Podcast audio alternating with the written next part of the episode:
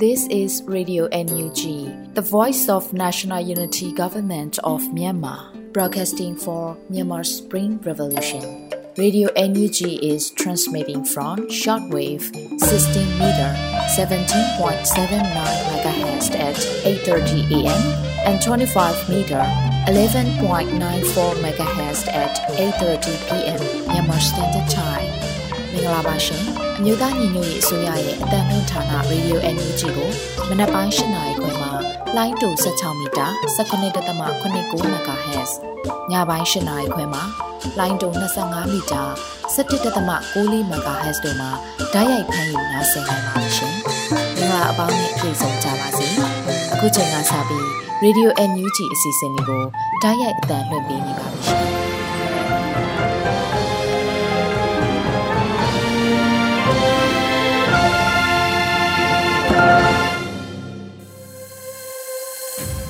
န်မာနိုင်ငံသူနိုင်ငံသားအပေါင်းတဘာဝပေးဆရာနာရှင်ပေတို့ကနေကင်းဝေးပြီးကိုစိတ်နှစ်ပါးဘေးကင်းလုံခြုံကြပါစေလို့ရေဒီယိုညူးချီဖွယ်သားများကဆုတောင်းမြတ်တာပို့သလာရပါတယ်ရှင်။အခုချိန်ကစပြီးပြည်တွင်းသတင်းတွေကိုတော့ရေဦးမွန်ကဖတ်ကြားတင်ပြပေးပါရမရှင်။မင်္ဂလာညချမ်းပါရှင်။2023ခုနှစ်အောက်တိုဘာလ20ရက်နေ့ Radio NUG ပြည်တွင်သတင်းတွေကိုတင်ပြပေးသွားပါမယ်။ကျွန်မကတော့ຫນွေဦးမွန်ပါ။ အစ္စရေးနဲ့ဂါဇာတွင်ဖြစ်ပွားနေသောအခြေအနေများကြားလူသားချင်းစာနာထောက်ထားမှုဆိုင်ရာကိစ္စလုပ်ငန်းများချက်ချင်းပေးပို့ရန်နဲ့မြန်မာနှင့်အခြားနိုင်ငံသားများပါဝင်ရတာအလုံးကိုအကာအကွယ်ပေးရန်ယာယီသမရတိုက်တွန်းတဲ့အကြောင်းအရာကိုတင်ပြပေးပါမယ်။အစ္စရေးနဲ့ဂါဇာမှာဖြစ်ပွားနေတဲ့အခြေအနေများကြားလူသားချင်းစာနာထောက်ထားမှုဆိုင်ရာကိစ္စလုပ်ငန်းများချက်ချင်းပေးပို့ရန်နဲ့မြန်မာနဲ့အခြားနိုင်ငံသားများပါဝင်ရတာအလုံးကိုအကာအကွယ်ပေးဖို့ယာယီသမရဒူဝါလက်ရှိလာမှာအောက်တိုဘာ20ရက်မှာ Twitter မှာတဆင့်ရေးသားတိုက်တွန်းထားပါတယ်။ အစ္စရေးနဲ့ဂါဇာတွင်ကြောက်မက်ဖွယ်ရာအသက်ဆုံးရှုံးမှုနဲ့ဆိုးရွားလာသောအခြေအနေများကြောင့်ကျွန်ုပ်တို့အလွန်စိတ်မကောင်းဖြစ်ရပါတယ်။လူသားချင်းစာနာထောက်ထားမှုဆိုင်ရာကိစ္စလုပ်ငန်းများချက်ချင်းပေးပို့ရန်နဲ့မြန်မာနှင့်ခြားနိုင်ငံသားများပါဝင်ရသအားလုံးကိုကာကွယ်ပေးရန်တိုက်တွန်းအပ်ပါလို့ဆိုပါတယ်။အစ္စရေးနဲ့ဂါဇာတွင်နှစ်ဖက်ဖြစ်ပွားနေသောအခြေအနေများကြားရသားများထိခိုက်ပေးဆုံးမှုအများဆုံးဖြစ်ပြီးထိုင်းနိုင်ငံသားများထိခိုက်ပေးဆုံးမှုလို့ရှိကြောင်းသိရပါတယ်ရှင်။ Special Advisory Council on Myanmar ကိုယ်စားလှယ်အဖွဲ့မြို့သားညီညွတ်ရေးအစိုးရဝါရှင်တန် DC ရုံးခန်းသို့လာရောက်ဆွေးနွေးတဲ့သတင်းကိုဆက်လက်တင်ပြပေးပါမယ်။အောက်တိုဘာ19ရက်နေ့မှာ Special Advisory Council on Myanmar အဖွဲ့ဝင်များဖြစ်ကြသော Miss Yan Healy နဲ့ Mr. Chris Sidoti ကိုဦးဆောင်တဲ့ကိုယ်စားလှယ်အဖွဲ့ဟာမြို့သားညီညွတ်ရေးအစိုးရနိုင်ငံခြားရေးဝန်ကြီးဌာနဝါရှင်တန် DC ရုံးခွဲသို့လာရောက်ခဲ့တယ်လို့သိရပါတယ်။ Special Advisory Council on Myanmar အဖွဲ့အားနိုင်ငံခြားရေးဝန်ကြီးဌာနဒုတိယဝန်ကြီးဦးမိုးစောဦးနဲ့ လူခွင့်ရေးဝန်ကြီးဌာနဒုတိယဝန်ကြီးဦးအောင်ကျော်မိုးတို့ကလက်ခံတွေ့ဆုံခဲ့ပါတယ်။တွေ့ဆုံပွဲမှာ Special Advisory Council of Myanmar ကိုယ်စားလှယ်အဖွဲ့က၎င်းတို့လာရောက်တဲ့ခီးစဉ်ရွယ်ချက်နဲ့တွေ့ဆုံမှုများအကြောင်းဆွေးနွေးပြီးမြန်မာနိုင်ငံနဲ့ဆက်လင်းသောကုလသမဂ္ဂဆိုင်ရာဆောင်ရွက်နိုင်သည့်လုပ်ငန်းများဆုံးဖြတ်ချက်များစီယုံဆောင်ရွက်မှုများအကြောင်းအပြန်အလှန်ဆွေးနွေးခဲ့ပါတယ်။ဒါအပြင်ကုလသမဂ္ဂနဲ့အခြားနိုင်ငံများရဲ့မြန်မာရေးလုံဆောင်မှုများနဲ့ပတ်သက်ပြီးစီယုံလုံဆောင်မှုလုပ်ငန်းများပေါ် ပူးပေါင်းဆောင်ရွက်နိုင်သည့်လုပ်ငန်းများကိုလည်းဆွေးနွေးခဲ့ကြတယ်လို့တင်ပြရှိပါတယ်ရှင်။မြို့သားညီညွတ်ရေးအစိုးရနဲ့စကိုင်းတိုင်းဒေသကြီးလွှတ်တော်ကိုယ်စားလှယ်များတွဲဆုံဆွေးနွေးတဲ့သတင်းကိုလည်းတင်ပြပေးကြပါမယ်။မြို့သားညီညွတ်ရေးအစိုးရနဲ့စကိုင်းတိုင်းလွှတ်တော်ကိုစားပြုကော်မတီတို့အောက်တိုဘာလ19ရက်နေ့ဗီဒီယိုကွန်ဖရင့်မှတစ်ဆင့်တွဲဆုံဆွေးနွေးခဲ့ပါတယ်။တွဲဆုံပွဲမှာမြို့သားညီညွတ်ရေးအစိုးရမှနိုင်ငံတော်သမ္မတရုံးမှတာဝန်ရှိသူများပြည်ထောင်စုဝန်ကြီးချုပ်ရုံးမှတာဝန်ရှိသူများပြည်ထောင်နှင့်လူမှုကြီးကြပ်ဝန်ကြီးဌာနကာကွယ်ရေးဝန်ကြီးဌာန စီမံကိန်းဗဏ္ဍာရေးနှင့်ရင်းနှီးမြှုပ်နှံမှုဝန်ကြီးဌာနဖရယ်ပြည်ထောင်စုရေးရာဝန်ကြီးဌာနမြို့သမီးငန်းနှင့်ကလေးတငယ်ရေးရာဝန်ကြီးဌာနလူသမားရေးရာဝန်ကြီးဌာနတို့မှဝန်ကြီးဒုတိယဝန်ကြီးများတွဝင်များတက်ရောက်ခဲ့ကြပါတယ်။စကိုင်းတိုင်းဒေသကြီးလွှတ်တော်ကိုစားပြုကော်မတီမှဥက္ကဋ္ဌတွင်ရမှုများလွှတ်တော်ရေးရာကော်မတီများမှတာဝန်ရှိပုဂ္ဂိုလ်များတိုင်းလွှတ်တော်ကိုယ်စားလှယ်များတက်ရောက်ခဲ့ကြသည့်ပြင်လူလူသပိတ်လှုံ့ဆော်မှုခေါင်းဆောင်များပါတက်ရောက်ခဲ့ကြပါတယ်။စီဝေးမှာပြည်သူ့လူထုတော်လှန်ရေးနဲ့ဘုံရန်သူအကြမ်းဖက်အာဏာသိမ်းစစ်အုပ်စုပြုတ်ကျရင်းနဲ့ တိုင်းသားအလုံးတို့၏ဝန်မှန်ချက်ပန်းနိုင်ပြီးတော့ Federal Democracy ပြည်အောင်စုသည့်ပြည်ဆောင်ရေးအတွက်ပြည်သူ့တော်လှန်ရေးအဓိကစစ်မျက်နှာစာကဏ္ဍကြီး6ခုဖြင့်ဆောင်ရွက်နေမှုကိစ္စရပ်များကိုပြန်လည်ဆွေးနွေးခဲ့ကြတယ်လို့သတင်းရရှိပါတယ်ရှင်။ရဆက်ရုံမာသည့်စစ်တပ်သည်လက်နက်ပစ္စည်းနှင့်ဆက်ဆက်နည်းပညာများရရှိရန်ကြိုးပမ်းလျက်ရှိပြီးစစ်တပ်၏လှုံ့ဆော်မှုခြေလှမ်းများကိုတေချာစောင့်ကြည့်ရန်နိုင်ငံတကာတိုင်ဝမ်တမန်ကြီးဦးကျော်မွန်ထွန်းတိုက်တွန်းတဲ့အကြောင်းအရာကိုဆက်လက်တင်ပြပေးပါမယ်။အောက်တိုဘာ19ရက် 98ကြိမ်မြောက်ကုလသမဂ္ဂထွေထွေညီလာခံပထမကော်မတီလက်နက်ဖြတ်သိမ်းရေးနှင့်နိုင်ငံတကာလုံခြုံရေးကော်မတီ၏ပြတ်စွမ်းအပြင်လက်နက်များကောင်းစဉ်ဖြင့်ဘာသာရေးဆိုင်ရာဆွေးနွေးမှုအစီအစဉ်၌ကုလသမဂ္ဂဆိုင်ရာမြန်မာအမြဲတမ်းကိုယ်စားလှယ်တာမတ်ကြီးဦးကျော်မိုးထွန်းကအခုလိုတိုက်တွန်းပြောကြားခဲ့ပါတယ်။စစ်တပ်၏ခေတ်ဆက်ဆက်ကျူးလွန်ခဲ့မှုများနှင့်လက်ရှိတွင်ပြည်သူများပေါ်၎င်းတို့ရက်ဆက်ရုံမှတပ်ဖြတ်မှုများရာစစ်တပ်သည်ပြည်သူများပေါ်မြည်သည့်ထုံးချမှုမျိုးကိုမဆိုအပြည့်အဝပြုလုပ်ကျူးလွန်နိုင်ကြောင်း ထို့သောရက်ဆက်ရုံမှသည့်စစ်တပ်သည်လက်နက်ပစ္စည်းနှင့်ဆက်ဆက်နည်းပညာများရရှိရန်ကြိုးပမ်းလျက်ရှိကြောင်းစစ်တပ်၏လှုံ့ဆော်မှုခြေလှမ်းများကိုတေချာစောင့်ကြည့်ရန်နိုင်ငံတကာတိုင်ဝမ်အားတိုက်တွန်းလိုကြောင်းဒါအပြင်ပြမဲ့ပြည်သူများအသက်မဆုံးရှုံးစေရန်လို့ကစစ်တပ်ကိုလက်နက်များရောင်းချပံ့ပိုးခြင်းမပြုရန်ကိုလည်းတိုက်တွန်းတယ်လို့တမန်ကြီးကဆိုပါတယ်။ဒါအပြင်အချမ်းဘတ်သူများနဲ့ ဆိုရသောပြည်မှုများကိုကျူးလွန်သည့်ဖွဲ့စည်းများထံသို့ရက်စွမ်းပြင်းလက်နက်များရောက်ရှိသွားရန်ဖြစ်နိုင်ကြသည်လွန်အင်မတန်ကြီးမားသည့်စိန်ခေါ်မှုဖြစ်တည်ရှိနေတယ်လို့တမန်ကြီးကထပ်လောင်းပြောပါတယ်ရှင်။ဂျမ်ဘတ်စစ်တပ်ကရန်တမ်းပစ်ခတ်လိုက်တော့လက်နက်ကြီးကလလူတူခရိုင်စောတီမျိုးနဲ့ဂွေကုန်းကျွရအုပ်စုချုံအင်းကျွရအတွင်းကြောက်ရောက်ပေါက်ကွဲခဲ့တဲ့တဲ့ရင်ကိုတင်ပြပေးပါအောင်မယ်။ဇုံမြောင်းကျွရမှာလှုပ်ရှားနေတဲ့စစ်ကောင်စီရဲ့ချင်းမြတ်တရင်အမှတ်20နဲ့ ပိန်းစလုံးမျိုးတွင်ခြေဆိုင်နေသည့်ချေလင်းတရင်အမှတ်264တို့မှတပ်သားများဟာအနီးနားကျွရများအတွင်းသို့120မမလက်နက်ကြီး6လုံးကို2023ခုနှစ်အောက်တိုဘာလ16ရက်နေ့ည9:16မိနစ်မှ9:50မိနစ်အချိန်ကြာတွင်ရန်တမ်းပစ်ခတ်မှုများပြုလုပ်ခဲ့တယ်လို့အောက်တိုဘာ20ရက်မှာကင်းလူခွင့်ရေးအဖွဲ့ KHRG ကအသိပေးဆိုပါတယ်။ဒီခလိုက်တဲ့လက်နက်ကြီးချို့ဟာကလဲလူတူခိုင်စောတီမျိုးနဲ့ဂွေးကုန်းကျေးရွာအုပ်စုချုံအင်းကျေးရွာတွင်းသို့ကြားရောက်ပောက်ကွဲခဲ့တဲ့ပြင်သက်48နှစ်အရွယ်မျိုးသားတအုပ်နဲ့ သက်40နှစ်နဲ့45နှစ်အရွယ်မျိုးသမီးနှစ်ဦးထိခိုက်ဒဏ်ရာရရှိခဲ့တယ်လို့သိရပါတယ်။ဒါပြင်လက်နက်ကြီးပစ်ခတ်မှုကြောင့်ရွာသားများ၏ငါးသုံးကောင်ထိခိုက်ပြေဆုံးခဲ့ပြီးနေနှလုံးလည်းထိခိုက်ပျက်စီးခဲ့ပြီးခြားလက်နက်ကြီးနှလုံးဟာလည်းရွာသားတအုပ်ရဲ့လက်ကွင်းအတွင်းကိုကြားရောက်ပောက်ကွဲခဲ့တာကြောင့်စပားပင်အချို့ပျက်စီးခဲ့ရပါတယ်ရှင်။ဂျပန်နိုင်ငံတရားရေးဌာနမှ NUG ဂျပန်ကိုယ်စားလှယ်ရုံးမှလက်ထပ်ထားတဲ့စာချုပ်ကိုအသိမှတ်ပြုတဲ့သတင်းကိုတင်ပြပေးပါမယ်။ အော်တိုဘာလအတွင်းမှာ passport သက်တမ်းနဲ့ပတ်သက်လို့အခက်ကြုံရသူမြန်မာနိုင်ငံသားတအုပ်ကလူမှုကွန်ရက်မှာခုလိုရှင်းလင်းအသိပေးဆိုထားပါတယ်။ကျွန်တော်တို့လင်မယားနှစ်ယောက်လုံး passport သက်တမ်းကုန်နေကြတာကြာပါပြီ။ခုမိမကရင်သွေးလွယ်ထားရလို့ရက်ွက်ရုံမှာတရားဝင်လက်ထပ်ဖို့သွားတော့ရက်ွက်ရုံကမြန်မာပြည်ကလူမျိုးအပြိုထောက်ခံစာရဲ့တယုံမှာလက်မှတ်ထိုးထားတာကိုတောင်းပါတယ်။ မတရားအာဏာသိမ်းပြီးနောက်ပိုင်းစစ်တပ်ကိုအစိုးရဖြစ်အပြီးမှမပြုနိုင်ကြောင်းနဲ့သူတို့နဲ့ဆက်သွယ်ရင်မိသားစုအန္တရာယ်ရှိနိုင်ကြောင်းပြောပြတော့ရက်ွက်ရုံကအခြားနည်းနဲ့ရှာပေးတယ်။ကြောက်ရအစုံလင်ကိုဂျပန်ဘာသာနဲ့တရားရေးဌာနကိုတင်ပေးနေပြောပါတယ်။သုံးလကြာမှတရားရေးဌာနကဆက်သွယ်လာပြီးလူများနှစ်ယောက်စလုံးကိုမေးမြန်းစစ်ဆေးပါတယ်။တပတ်ကြာမှတော့ရက်ွက်ရုံကနေတရားဝင်လင်များအဖြစ်အသိမှတ်ပြုကြောင်းဆက်သွယ်လာပါတယ်။အဓိကပြောချင်တာကတရားရေးဌာနကအတိမတ်ပြတာက NUG ဂျပန်ကိုယ်စားလှယ်ရုံးမှလက်ထပ်ထားတဲ့စာချုပ်ကြောင့်ပါလို့ပြောချင်ပါတယ်လို့ဆိုပါတယ်။ NUG ရုံးကိုဂျပန်နိုင်ငံကအတိမတ်ပြုထားတာမို့အပြိုလူမျိုးထောက်ခံစာနဲ့တန်ယုံထောက်ခံစာတို့မလိုအပ်ဘူးလို့အကောင်းကဆိုပါတယ်။လက်ရှိမှာမြို့သားညီညွတ်ရေးအစိုးရဟာကိုရီးယားကိုယ်စားလှယ်ရုံးဂျပန်နိုင်ငံကိုယ်စားလှယ်ရုံးဩစတြေးလျနိုင်ငံချက်နိုင်ငံပြင်သစ်နိုင်ငံ UK နိုင်ငံတို့မှာကိုယ်စားလှယ်ရုံးများဖွင့်လှစ်ထားပြီးတော့ American နိုင်ငံ Washington DC မှာနိုင်ငံသားရေးဝန်ကြီးရုံးကိုဖွင့်လှစ်ထားပါတယ်ရှင်။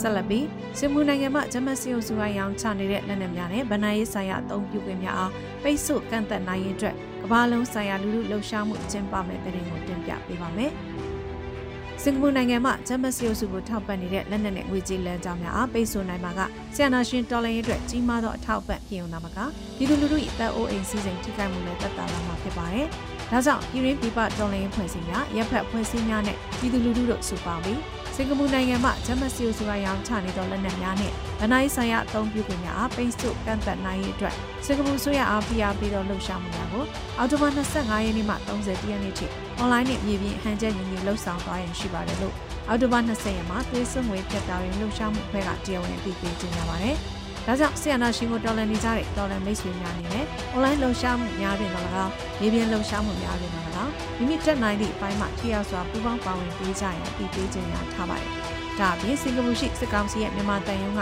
မြန်မာ passport များကိုအမေးများမရှိပယ်ဖျက်ပြင်နေ၍မြန်မာ passport ကိုင်းဆောင်ထားသူများအထူးသတိထားရန်လိုအပ်တယ်လို့အော်တိုဘာလတွင်စင်ကာပူရှိမြန်မာရေးတက်ကြွလှုပ်ရှားသူများကတဆင့်သိရပါတယ်။ စင်ကာပူရှိမြန်မာတန်ယုံကမြန်မာ passport များကိုအမေးများမရှိပယ်ဖျက်ပြစ်နေတယ်လို့ဆိုပြီး၎င်းဖြစ်ရဟာတော်လိုင်းရေးနဲ့ဆက်ဆက်ပတ်သက်မှုရှိတာကြောင့်လည်းဖြစ်နိုင်တယ်လို့ဆိုပါတယ်။သို့ပါ၍မြန်မာ passport ကိုင်းဆောင်ထားတဲ့များအနေဖြင့်ပြပခီးသွားလာမှုများအတွက်အထူးသတိထားရန်နဲ့မဖြစ်မနေပြပထွက်ခွာရန်ရှိပါကလုံလောက်သည့်ကြိုတင်ပြင်ဆင်မှုများပြုလုပ်ပြီးမှသာထွက်ခွာကြဖို့လိုအပ်မယ်လို့ဆိုပါတယ်ရှင်။ခုတင်ပြခဲ့တဲ့သတင်းတွေကို Radio Energy သတင်းတောက်မင်းတီဟန်မှပေးပို့ထား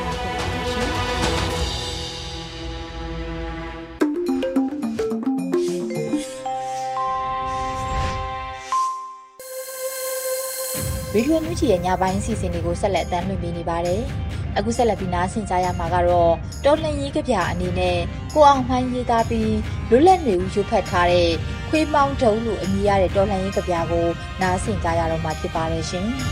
။ခွေးမောင်းတုံးအိမ်9000ကျော်မီးရှို့တာနေသေးလို့တသိန်းပြည့်အောင်ထတ်ရှို့ခိုင်းနေသူကငိမ့်ချမ်းကြီးတဲ့ပြောင်လိုက်ပုံများဗျာ တိုင်းပြည်ပြက်အောင်ဖျက်နေတဲ့စစ်တခိုးကစီးပွားတက်အောင်စစ်တပ်ကိုပူဇော်ခွေးကတက်ကမျောနေသူတွေကလက်ခုပ်တွေတီး NCA ဆိုတာကြီးမှာပြောတဲ့ပါဇက်ကမီးထွက်ပြောင်တဲ့မျက်ခွက်ကကြီးတက်ပက်ပက်ဆက်ဆက်ရက်ရက်ဆက်ဆက်မရှက်မကြောက်တူချီပါပဲစုလိုက်ပြုံလိုက်တက်အမဆိုခွေးမတော်မချမ်းမတိန်ကြစ်ကြံနေတဲ့တက်တက်ကြုတ်ဆိုတဲ့ကောင်က တရားဥပဒေဆိုလားမတိန်ဥပဒေဆိုလားပြောင်ဖြဲဖြဲမျက်နှာမှာမိတ်ကပ်တွေလိမ့်ထားလူကြားထဲမသွားရဲလို့ခိုးကြောင်ခိုးဝက်သွားတိမ်ကြားမင်းကောင်တဲ့ကလကာကြားကလေးဘက်ထောက်ထွက်လာခွေးတာတာစရိုက်နဲ့လူတက်တာတွင်တွင်လို့တိုင်းပြည်အုပ်ချုပ်မင်းလို့အောင်မလို့တဲ့ငရဲပြေဆိုတာလွတ်လပ်လုံခြုံဘေးကင်းပျော်ရွှင်ခြင်းအတိဆိုပဲယုံသူတွေကလည်းယုံကြ ပုံသူတွေကလည်းပုံကြခုံသူတွေလည်းခုံကြကြုံသူတွေလည်းကြုံကြလိုက်ကာကြီးဖွင့်လိုက်တော့သွေးတန်ရဲရဲ NCA ကြီးပေါ်လာတဟဲဟဲအတန်တွေကြားခွေးကတက်ကလက်ဖြန့်တောင်းကျွန်းဆက်ခေါင်းကွဲတဲ့ဘဝတွေငိမ့်ချမ်းရေးမလိုလားဆုံးကောင်ကငိမ့်ချမ်းရေးအကြောင်းအပြောဆုံးဖွတ်ထွက်မှတောင်ဖို့မှန်းသိဆိုပေမဲ့ကိုယ်တိုင်ဖွတ်တွေဖြစ်သွားကြပုံများမျက်နာကြီးတွေက ပြောင်းလို့လူလိန်တွေကိုကိုကိုလိန်သူများကိုလိန်မလုံမလဲမျက်နာတွေခွက်ပြောက်သူနဲ့ခွက်မှောက်သူကြားနားလည်မှုဂတိတရားက NCA ဆိုလားဘာလားစစ်ဖက်နှက်ကြားကအတန်းပုတ်စော်နံအန်ချင်စရာရှုံတွတ်တွမျက်နာတွေအပြုံးတုကိုစီနဲ့နီးနေပြီဆိုတဲ့သူတို့ဏိကုံးတပြုံလုံးစော်လိုက်မှ တိုင်းပြည်အေဂျန်ตาရမဲ့လမ်းခွေးစိုးတအုပ်နဲ့အတူကြမ်းခွေးတရန်ကြီးလွတ်နေပြီခွေးဖန်းအဖွဲတွေထူထောင်းခွေးမောင်းတုပ်ကိုစီကင်လို့ခွေးစိုးအုပ်ကိုတုတ်တင်စို့ကိုအောင်မိုင်း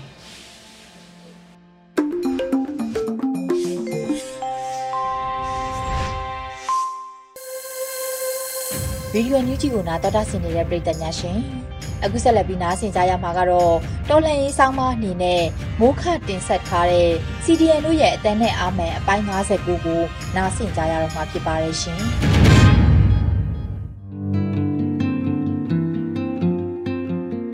အားလုံးပဲမင်္ဂလာပါကျွန်တော်တို့ဒီတစ်ပတ်မှာတော့တော်လိုင်းမှာအရေးကြီးတဲ့လုပ်ငန်းစဉ်တွေကတစ်ခုဖြစ်တဲ့ Wine Gon နဲ့ SP ပေါ့ Social Management တွေအကြောင်းကိုပြောပြချင်ပါတယ် ဒေါ်လာရင်းကာလအချိန်ကြာလာတဲ့အခါမှာဒေါ်လာရင်းအင်အားစုတွေဘက်ကပေါ့နော်တယောက်ချင်းစီပဲဖြစ်ဖြစ်အစုအဖွဲ့လိုက်တော့၎င်းပေါ့နော်ဒီမှာရေရှည်ရှင်သန်ရည်တည်နိုင်ဖို့ကိုခက်ခက်ခဲခဲစူးစမ်းရုန်းကန်လာရတယ်အထူးသဖြင့်အခြေခံစောင်းနေပေါ့နော်စောင်းနေရအတွက်တွေဓမင်းစားဖို့နဲ့အိမ်လကပေးဖို့ဆိုတာမျိုးတွေပေါ့နော်ဒါမျိုးတွေကိုရုန်းကန်လာရတယ် ပြီးတော့တဲ့အချိန်မှာလုံခြုံရေးပေါ့နော်လုံခြုံရေးဆိုင်ရာပြဿနာတွေပေါ့ဒီပြည်တွင်းမှာဆိုလို့ရှိရင်လည်းအရင်တင်းကျပ်ထားတာပေါ့နော်စစ်ကောင်စီဘက်ကနေပြီးတော့မှအဖမ်းဆီးတွေစိတ်နေတာပေါ့နော်အဲ့တော့ဒါမျိုးတွေရှိတယ်အဲ့လိုမျိုးစောင်းနေရေးတွေလုံခြုံရေးတွေကျန်းမာရေးကိစ္စတွေကြောင့်တော်လိုင်းရေးသမားတွေပေါ့နော်တော်လိုင်းသမားတွေတော်လိုင်းအင်အားစုတွေနောက်ပြီးတော့ပြည်သူလူထုပေါ့နော်ပြည်သူလူထုတွေအားလုံးဟာကိုယ်စီပါဝင်နိုင်မှုအားထုတ်နိုင်မှုပေါ့ဒါတွေကတိတိတသာရောကြသွားတယ် ပေါ့နော်ရောကြသွားတယ်အဲ့လိုမျိုးတယောက်ချင်းစီကနေပြီးတော့မှရောကြလာတဲ့အချိန်မှာဒေါ်လာရင်းပေါ်အားစိုက်ထုတ်မှု ရောကြလာတဲ့အချိန်မှာဒေါ်လာရဲ့အရှင်အဟုန်ပေါ့နော်ဒီ revolution momentum ကလည်းတိတိတသာပြန်ပြီးတော့ရောကြသွားတာကိုတွေ့ရမယ်ပေါ့နော်ဒါတွေကရန်သူဘက်ကအစောကြီးကြိုတင်ပြင်ဆင်ပြီးတော့တွက်ချက်ထားတဲ့ຢာတွေပေါ့နော်အဲဒါကြောင့်လည်းသူတို့ကဒီ Dereset ပေါ့ Dereset အမည်ပြင်မှာလည်းကြားဖတ်မှုတွေဖမ်းဆီးမှုတွေပေါ့နော်အစုံပေါ့နော်ရဲဆက်ဆက်ဖမ်းပြီးတပ်ဖြတ်တာတွေထောင်ချတဲ့ရွာလုံးကျုပ်မီးရှို့တာတွေဒါမျိုးပေါ့အစုလိုက်ကုလားတပ်ဖြတ်တာတွေလေးနဲ့ဘုံကျဲတာတွေမြေပြင်မှာလည်းအကြမ်းဖက်မှုတွေကိုစက်တိုက်လုပ်နေတယ်လို့မျိုး online internet ပေါ်မှာလည်းဆက်တိုက်ပေါ့နော် site war တွေလုပ်နေတယ်နောက်ပြည်သူကိုအာရုံတွေလွှဲနေတာပေါ့နော်ဒီ social media ကနေတစ်ဆင့်ပေါ်ပေါ်ပပ media တွေကနေတစ်ဆင့်ပြည်သူတွေ online ကိုစိတ်မဝင်သွားအောင်စိတ်ပြတ်သွားအောင်ဆောင်လို့လုပ်နေတယ်ရန်သူက direct အလုပ်လုပ်နေတယ်ပေါ့နော်အဲ့တော့ဒီဘက်ကဒေါ်လာအင်အားစုတွေဘက်ကလည်းကိုယ့်ဘက်ကကိုယ်တော်မှအရှင်တော်တော်လေးကိုရှင်သန်ရက်တီဖို့ကိုကြိုးစားနေရတဲ့အချိန်မှာ social punishment တို့ point wine god တို့ပေါ့နော်ဒါတွေလုပ်ဖို့ကိုတိုက်တွန်းလုံးစော်တဲ့ဘက်မှာအားနေသွားတာတွေတွေ့ရတယ် အဲ့လိုမျိုးဒေါ်လာအင်အားစုတွေဘက်က SP နဲ့ wine god ကိုတင်းတင်းကြပ်ကြပ်အရင်လောက်မလုံးစော်နိုင်တဲ့အချိန်မထောက်ပြနိုင်တဲ့အချိန်တွေမျိုးမှာဘသူတည်တည်ငတိမာပြီးရောဆိုတဲ့ရေပေါ်စီလူရန်စားတွေပေါ့နော်ရေပေါ်စီလူရန်စားတွေဘက်ကလည်းပြန်ပြီးတော့ခေါင်းထောင်ထလာတယ်ပေါ့နော်ခေါင်းထောင်ထလာတယ်ဟိုကပြောရမှာဆိုလို့ရှိရင် show ဘွဲတွေပြန်လုပ်ဖို့ဆိုတာမျိုးတွေကိုပြောပြောပွဲရှင်တွေပြန်လုပ်ဖို့ဆိုတာမျိုးတွေကြိုးစားလာတာကိုတွေ့ရမယ်နောက် မျိုးစုံပဲပေါ့နော်အနုပညာရှင်အမိခံပြီးတော့ပွဲပေါင်းဆိုသတင်းပေါင်းဆိုလုပ်နေတဲ့သူတွေရှိတယ်ပေါ့ပတ်စံရရင်ပြီးတော့ပြီးသွားရင် motivational speaker လို့သူတို့ခေါ်တဲ့ဟိုအောင်မြင်ရေးသမားပေါ့နော်စိတ်ကြွဆရာကြီးတွေပေါ့စိတ်ကြွကြွအောင်ဆိုပြီးတော့အောင်မြင်ရေးတစ်ချိန်လို့တိုင်းပြည်ရအောင်မစင်းလို့တွင်းနေကြနေပြီပေါ့နော်အဝေစီးကိုရောက်ဖို့တိတ်မကြမ်းတော့ဘူးပေါ့ အဲ့တော့ဒီစစ်ကြုံဘဝမရောက်အောင်ပြည်သူတွေရုန်းကန်နေတဲ့အချိန်မှာမှပတ်စံရရင်ပြီးရောဆိုတာမျိုးလုပ်နေရတယ်အမှုပညာရှင်အမိကဖောက်ဖောက်စားတွေနောက်အောင်မြင်ဟောပြောရေးဆရာကြီးတွေပေါ့ဒါတွေကလည်းပြန်ပြီးတော့ခေါင်းထောင်ထားဘာဖြစ်လို့သူတို့ဒီလိုခေါင်းထောင်ထားရဲဆိုအချက်နှစ်ချက်ကြောင့်ပေါ့နော်တစ်ဖက်ကဒေါ်လာအင်အားစုတွေကသူတို့ဘာသူတို့တော့မနှဲရှင်သန်ရက်တီကိုယူဖို့စ조사လာရတဲ့အချိန်ဖြစ်သွားတာသူတို့ဘက်ကမလှည့်နိုင်ဘူးပေါ့နော်ဒီ SP တွေဝိုင်းခေါ်တွေကိုမစီးယုံနိုင်ဘူးမတိုက်တုံးနိုင်ဘူးပေါ့နော်အရင်တော့နောက်တစ်ချက်ကအမှတ်မရှိတဲ့ပြည်သူတွေပေါ့ တချို့ကတကယ်ကိုအမှတ်မရှိကြတယ်ဘယ်လိုမျိုးသူတို့အသိဉာဏ်နေနဲ့ရှင်သန်ရက်တည်နေကြတယ်လို့ပြောရမလို့ဖြစ်နေတယ်ပေါ့နော်အဲ့လိုပြောရင်လည်းဒေါ်လာသမားတွေကအစွန်းရောက်တယ်ကျွန်တော်တို့တွေကအစွန်းရောက်တယ်ဆိုတာမျိုးဖြစ်လိမ့်မယ်ပေါ့နော်အမှန်တော့ဒီအချိန်မှာမလိမ့်တာပေါ့နော်တယောက်တော့နဲ့အပြစ်တင်နေတာတော့မကောင်းပါဘူးတိုက်တွန်းလုံဆောင်စီယုံပေါ့နော်ဒါမျိုးလေးနဲ့တွားပါပေါ့ဒါပေမဲ့ဘယ်အချိန်ထိကိုအခြေခံအကြဆုံးအလွယ်ကူဆုံးအလုပ်ဖြစ်တဲ့ SP ပေါ့နော်အဲ social management နဲ့ wine call လုပ်ဖို့ကိုပြောနေရအောင်ပါလေဆိုတာမျိုးကျွန်တော်က မေးချင်တာဒီအချိန်မှာ online ကလာ2နှစ်ကျော်လို့3နှစ်ရောက်တော့မယ်ဘယ်တော့မှမကြတော့ဘူး3နှစ်ပြည့်တော့ဒီအချိန်ထိ SP လောက်ပါ wine call လောက်ပါဒီစစ်တပ်ထုတ်ကုန်တွေကိုတပိတ်မောက်ပါ wine call လောက်ပါစစ်ကောင်စီရဲ့တောက်တိုင်တွေကို SP social management လောက်ပါဒါမျိုးတွေပေါ့နော်ပြီးရင် normalize မလုပ်ပါနဲ့တိုင်းပြည်ကပုံမှန်ရှင်းနေမဟုတ်ပါဘူးအဲ့လိုပုံမှန်ရှင်းနေဖြစ်ဖို့ကြိုးစားနေတဲ့စစ်တပ်ရဲ့စစ်ကောင်စီရဲ့အဲ့ဒီစစ်ကောင်စီကိုမှအဲ့လိုမျိုးဝိုင်းကူပြီးတော့လုပ်ပြီးတော့အလုပ်ပြုပြုနေတဲ့ crony တွေရှိမယ်စီးပွားရေးလုပ်ငန်းရှင်တွေရှိမယ် နောက်အမှုပညာရှင်မိကဖုတ်ခွက်သားတွေရှိမယ်နောက်စစ်ကောင်စီတောက်တောက်တိုင်နန်းစီရီယန်တွေရှိမယ်ဒါတွေကိုသူတို့ကိုပြင်းပြင်းထန်ထန် SP လောက်ပါဝိုင်းကော့လောက်ပါလို့ပြောတယ်သူတို့ထုတ်ကုန်တွေကိုအာမပေးဘူးသူတို့ရဲ့ဖန်တီးမှုတွေသူတို့လုပ်တဲ့ activity တွေလုပ်ဆောင်ချက်တွေကိုအာမပေးဘူးမသိမလဲဘာသာနေမယ်ဘယ်သူမှလည်းလာဖမ်းလို့မရဘူးကိုယ့်အိမ်မှာကိုယ်နေနေကိုလုပ်လို့ရတဲ့ဟာပေါ့နော်အ ਨੇ ဆုံးပေါဝင်နိုင်မှုပြောလို့ရတယ်အဲ့ SP နဲ့ point ဖို့တော့မလုံနိုင်ဘူးဆိုလို့ရှိရင်ဘာသွားလုပ်ကြမလို့ဘယ်နေရာမှာပါဝင်ပေးကြမလို့ဒီမိုကရေစီရကျင်တဲ့ တိုင်းပြည်ဟာတည်ငြိမ်အေးချမ်းပြီးတော့တိုးတက်ချမ်းသာတာကိုမြင်ကျင်တယ်လူဝင်မှုအဆင့်တန်းတွေမြင်မာကျင်တယ်အေးချမ်းလေးနဲ့ဘောနော်စပွဲကြီးလည်းမရှိတော့ဘဲနဲ့ကိုလှုပ်တဲ့ဟာကိုကိုစားရတယ်ချောင်းချောင်းလေးလေးနဲ့ဘောနော်ချောင်းချောင်းလေးလေးနဲ့စားရတယ်စားဖို့နေဖို့အေးချမ်းလေးနဲ့ကိုစိုးနိုင်ရန်နေလည်းမကြောက်ဘူးနေနေခြင်းနဲ့နောက် Federal ပုံစံမျိုးပေါ့နော် Federal ပုံစံမျိုးကိုယ်ပိုင်လွတ်လပ်ခွင့်အုပ်ချုပ်ခွင့်တွေနဲ့နေခြင်းနဲ့တိုင်းပြည်က Federal Democracy နိုင်ငံဖြစ်ချင်တယ်ဆိုလို့ရှိရင်အခုလူတွေစူးစမ်းနေကြတယ်ပေါ့နော်ကိုယ်စီနိုင်ငံတောင်းထိုင်းနေကြတဲ့အချိန်မှာအားလုံးကမပါဝင်သင့်ဘူးလား ငွေအားဖြစ်တော့၎င်းလူအားဖြစ်တော့၎င်းပါဝင်သင့်တယ်ပေါ့နော်အဲကျွန်တော်တို့နားလည်ပါတယ်အကြောက်တရားတွေရှိတယ်လူတွေရဲ့ပြီးတော့ဖြစ်တည်မှုတွေလည်းမတူညီကြဘူးပေါ့အဲ့တော့အားလုံးကကျွန်တော်တို့လိုမျိုးအကုန်လုံးဆုံးလို့ပြီးတော့ပုံပြီးတော့ဒေါ်လာရေးမှာမရင်းနိုင်ဘူးဆိုတာကိုသိတယ်နော်ဒီလိုပြင်းအောင်ဖောင်ပြမပါဝင်နိုင်ဘူးဆိုတာသိတယ်အဲ့တော့တစ်ခါမှလည်းအပြစ်မပြောခဲ့ဘူးပေါ့နော်ကျွန်တော်တို့တငယ်ချင်းတွေမိတ်ဆွေတွေရှိတယ်သူတို့လာပြောကြတယ်တ ငယ်ချင်းတို့လေးစားပါတယ်ငါတို့ကတော့မင်းတို့လောက်မပါဝင်နိုင်ဘူးငါတို့ငွေလေးတစ်နိုင်လောက်ထည့်ပါထည့်တယ်ပါညာပေါ့ကျွန်တော်တစ်ခါမှသူတို့ကိုအပြစ်ပြောတာမျိုးမရှိခဲ့ဘူးကြေးလည်းမတိုက်ဘူးနှိုင်းလည်းမရှိဘူးပေါ့နော်ဒါတွေကျွန်တော်တို့ရွေးချယ်မှုပဲသူတို့လည်းတဲမဲ့ပြောခဲ့တယ်ကျွန်တော်တို့ရွေးချယ်မှုပဲဒီလိုမျိုးလူတိုင်းလူတိုင်းဟာပြင်းအောင်ဖောင်ပြအားလုံးဆုံးနေပြီးပါဝင်ရမယ်လို့မဆိုတော့ဘူး ပေါ့သူ့အတိုင်းအတာနဲ့သူပါဝင်ရမယ်အရေးကြီးတာပါဝင်ဖို့ပဲပါဝင်ပေးနေဖို့ပဲလိုတယ်အဲ့ဒါလေးကိုပြောချင်တာနောက်အ ਨੇ ဆုံးအဆင့်ပေါ့နော်ငွေအားအများကြီးမကူနိုင်တော့ဘူးမကူနိုင်တော့ဘူးပဲထားဒီလူအားလည်းမပါဝင်နိုင်ဘူးအားမစွတ်နိုင်တော့ဘူးဆိုလို့ရှိရင် SP နဲ့ wine call တွေတော့တေချာလေးလှုပ်ပေးကြပါလို့ကျွန်တော်ပြောချင်တယ်အဲ့လိုမှမလုပ်ရင်လည်းအဲ့လိုအမှတ်မရှိတဲ့သူတွေပေါ့နော်အရှက်မရှိတဲ့သူတွေကများလာမယ်အခုလိုမျိုးငွေရရင်ပြီးရောဆိုတာမျိုးပေါ့နော်ရှက်မရှိတဲ့သူတွေများလာမယ်ခင်ဗျားတို့အပြီးကအမှတ်မရှိတဲ့သူတွေပေါ့နော် SP wine call တော့တေချာမလုပ်နိုင်တဲ့စစ်ကြုံဘဝကိုရုံထွက်ဖို့ကိုမကြိုးစားချင်တော့ဘဲနဲ့လောလောကူလက်လျှော့ချင်လိုက်တဲ့လူတွေပေါ့အဲ့လိုလူတွေများလာရင်တိုင်းပြည်ကစစ်ကြုံဘဝပြန်ရောက်သွားလိမ့်မယ်အဲ့ဒါလေးကိုခေါင်းနဲ့ထည့်ပေးကြဖို့ပြောချင်တာ SP ဘိုင်းပေါ်လေးတော့တေချာလုပ်ပေးကြပါလို့တိုက်တွန်းချင်ပါတယ်ဟုတ်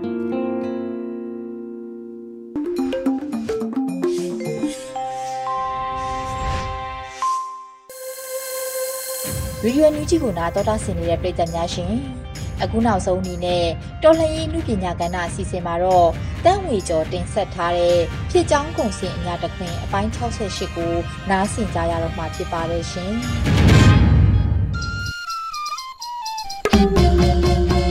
အညာတခွင်အဖြစ်ကြောင်းကုန်စင်ပြောပြရရင်အာနာရှင်တော်လည်းရင်အမြင့်ဖြုတ်ဖို့မြင်တော်လူတော်အပြည်သူများညီညွတ်လို့ပင်ပတ်စစ်တော်လည်းထ ပ်ပါလိမ့်မယ်တင်ဖက်ဒရယ်ပြည်အောင်စုရဲ့ရှိလေးဖက်ဒရယ်ယူနစ်စနစ်တစ်ခုပေါ်ပေါက်လာမှဒီကံလွယ်ပင်ဖြစ်ချောင်းကုန်စင်အညာတခွင်အညာတခွင်ဖြစ်ကြောင်းတစ်နှစ်အပေါင်းစုံစွာပြောကြဆိုကြမယ်အချိန်လေးရောက်လာရင်ပေါ့တော့အညာနေဟာအခုအချိန်ထိအနိုင်မခံအရှုံးမပေးဆိုသလို အသက်တွေဘဝတွေဇရေပြီးတော်လှန်နေသေးဖြစ်တယ်လို့အညပြင်ပကပြည်သူတွေအနေနဲ့လဲထောက်ဖို့လာတွေလုံနိုင်သူကလုံမလုံနိုင်တောင်စစ်တပ်ထုတ်ကုန်မြမဘီယာ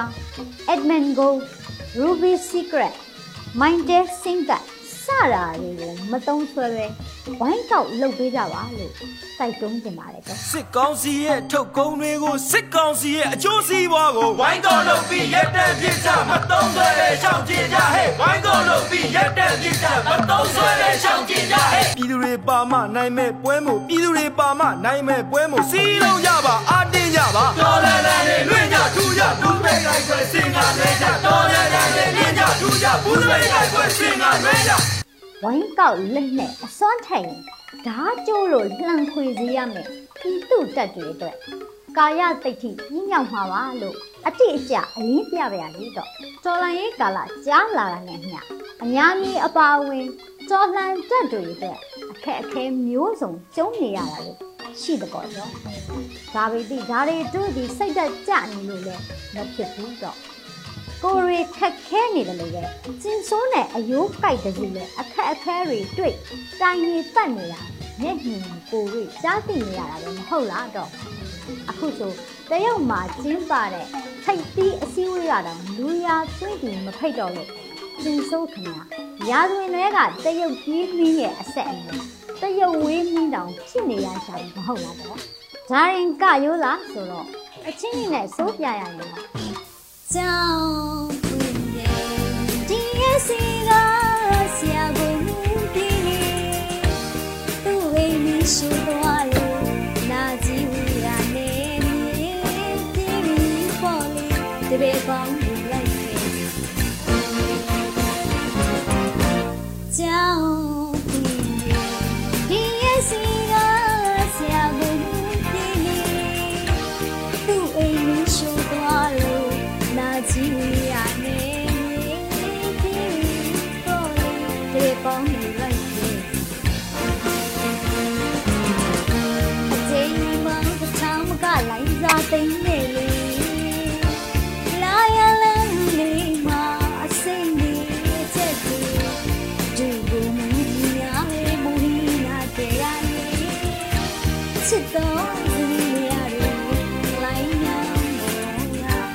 မကြမရင်ချက်ချင်းစင်ရှာရီ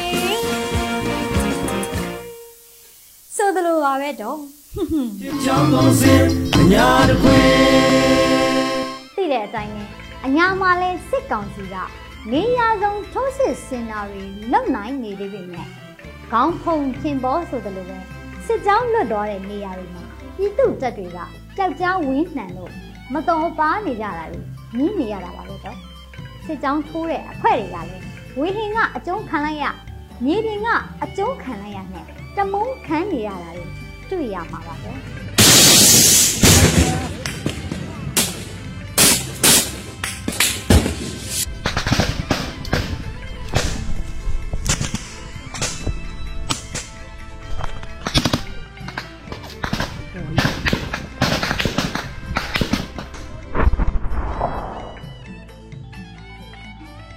ကုန်စင်အညာတခွေ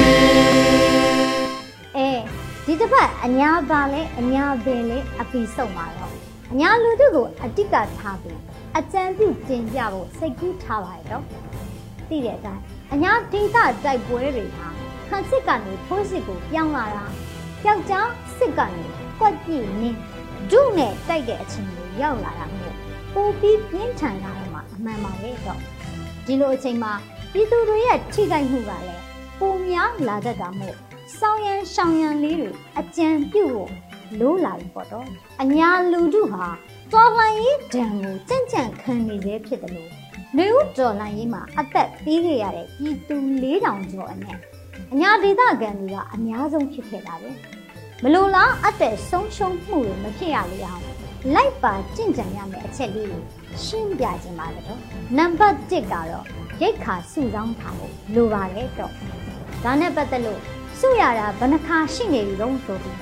တုံ့ပြန်တော့တုံ့ပြန်နိုင်တယ်အဲ့လိုအခါခါစုရမယ်ကိစ္စမဟုတ်ဘူးအသင့်အနေအထားနဲ့စုချဖို့လိုအပ်တဲ့အရေးပေါ်ရိတ်ခါကိုဆိုလိုတာလားတော့အညာဟာစိုက်လို့ပြိုးလို့ရသေးတဲ့အတွက်အစားတောက်မပူရဘူးဆိုရင် အရေးပေါ်အခြေအနေမှာအရေးပေါ်စားဖို့ရိတ်ခါကတော့မဖြစ်မနေစုဆောင်းထားရပါမယ်တော့နံပါတ်2ကတော့သတင်းအချက်အလက်ချိတ်ဆက်မှုအငြင်းမပြတ်ရှိနေလို့ဖြစ်ပါတယ်အချို့အများဒေတာတွေဟာဖုန်းလိုင်းမရှိတဲ့အတွက်ဖုန်းလိုင်းမဟုတ်တဲ့အခြားဆက်သွယ်ရေးတွေနဲ့တရွာနဲ့တရွာချိတ်ဆက်တာတွေသတင်းရလာတာနဲ့ဒေတာတစ်ခုလုံးတတ်လှန့်နိုင်အောင်နုံနုံကြကြပြင်ဆင်ထားတာတွေ လုပ်ရပါမယ်တော့နံပါတ်3အချက်ကတော့ကြိုတင်သတ်မှတ်ပြင်ဆင်ရေးပါမိသားစုဝင်အချင်းချင်းဖြစ်စေရွာသူရွာသားဒေသခံအချင်းချင်းဖြစ်စေဘယ်လိုအရေးပေါ်ကိစ္စကြုံဘယ်နေရာကစုံမှတ်ဖြစ်တယ်ဘယ်နေရာကတော့ဘာတွေရှိတယ်ဘယ်လိုတွေလုပ်မယ်ဘယ်လိုတွေစုစည်းမယ်ဘယ်အထိသွားမှအနေရကင်းမယ်အစရှိတဲ့ဖြင့်ဘေးရန်ရဲ့ကြုံရင်ပိုလုံးအောင်မဲ့ကိစ္စတွေကိုကြိုတင်သတ်မှတ်ပြင်ဆင်ထားဖို့လိုပါတယ် တော့နံပါတ်၄အချက်ကတော့ဒီလိုကြိုတင်ပြင်ဆင်တဲ့နေရာမှာတဦးတယောက်တည်းလောက်တာထက်စုပေါင်းပြီးဆောင်ရွက်ကြဖို့ဖြစ်ပါတယ်တကယ်လို့တဦးတည်းသွားချိန်စစ်ကြောင်းနဲ့ကြုံတာမျိုးဆိုအသက်ခံရအဖမ်းခံရတာမကြာခဏဖြစ်တတ်တဲ့အတွက်အုပ်စုလိုက်စုပေါင်းပြီးလိုအပ်တယ်လို့စီမံဆောင်ရွက်ကြရမှာဖြစ်ပါတယ်နံပါတ်5အချက်ကတော့အညာဒေသရဲ့ဘယ်နေရာမှာပဲဖြစ်စီပေါ့ပေါ့ဆက်ဆက်မနေကြပဲ အချိန်မရွေးကိုမြို့ကိုကြီးရွာမှာတိုက်ပွဲဖြစ်နိုင်တယ်စစ်တောင်းထိုးနိုင်တယ်ဆိုတဲ့တတိနဲ့အသင့်အနေထားအမြဲဖြစ်နေဖို့ပါပဲရုတ်တရက်ဖြစ်လာရင်ရုတ်တရက်ရှောင်နိုင်တိမ့်နိုင်အရာရာကြိုတင်ပြင်ဆင်ထားဖို့မဖြစ်မနေလိုအပ်ပါတယ်နောက်ဆုံးအချက်ကတော့ရိတ်ခါစေဝါအသုံးဆောင်စတဲ့ပစ္စည်းတွေကိုတကိုးရစားတည်ဆောင်သွားနိုင်တဲ့တကိုးစားအရေးပေါ်အိတ်ကိုအသင့်ပြင်ထားဖို့ပါပဲ ဒီအိတ်ဟာစစ်ပေးရှောင်တာရုတ်တရက်ထိုးစစ်ဆင်ခံရတာဒါမျိုးတွေကြုံရင်အသုံးဝင်တဲ့ပစ္စည်းတွေနဲ့ပြင်ဆင်ထားရမှာပါဒီအချက်တွေနဲ့အညီသတိမပြတ်ကြိုတင်ပြင်ဆင်ထားနိုင်လာမယ့်ရှေ့ကာလတိုက်ပွဲတွေထိုးစစ်တွေပြင်းထန်လာတဲ့အချိန်မှာထိခိုက်မှုနည်းနိုင်သမျှနည်းအောင်လှုပ်ဆောင်နိုင်မှာမလေးပါဘူး။ကြောင်းပုံစံအညာတခွေစစ်ကောင်စီပြုတ်ကြပြီး Federal Democracy နိုင်ငံထူထောင်နိုင်ဖို့ဆိုတာ PDF တွေကြီးလုပ်လို့မရတယ်လို့တပိတ်အဖွဲ့တွေနိုင်ငံရေးအဖွဲ့တွေလွတ်တော်အမတ်တွေ CRM တွေကြီးပဲလည်းလုပ်လို့မရပါဘူးတော့အထူးသဖြင့်ဒီသူလူလူကြီးတရက်လုံးမှာလိုက်ရောညီထွေဟန်ချက်ညီးနေလို့လိုပါတယ်တော့ဒီလိုဟန်ချက်ညီးနေဖို့အတွက်အညာပြည်သူလူလူကြီးအနေနဲ့နိုင်ငံရေးအသည့်စစ်ရေးတတိနဲ့ကိုယ်တိုင်ကိုကြပါဝင်ဆောင်ရွက်ပေးကြပါမယ်ဖြစ်ပါတယ်တော့ အညာဖက်တွေအောင်ရတယ်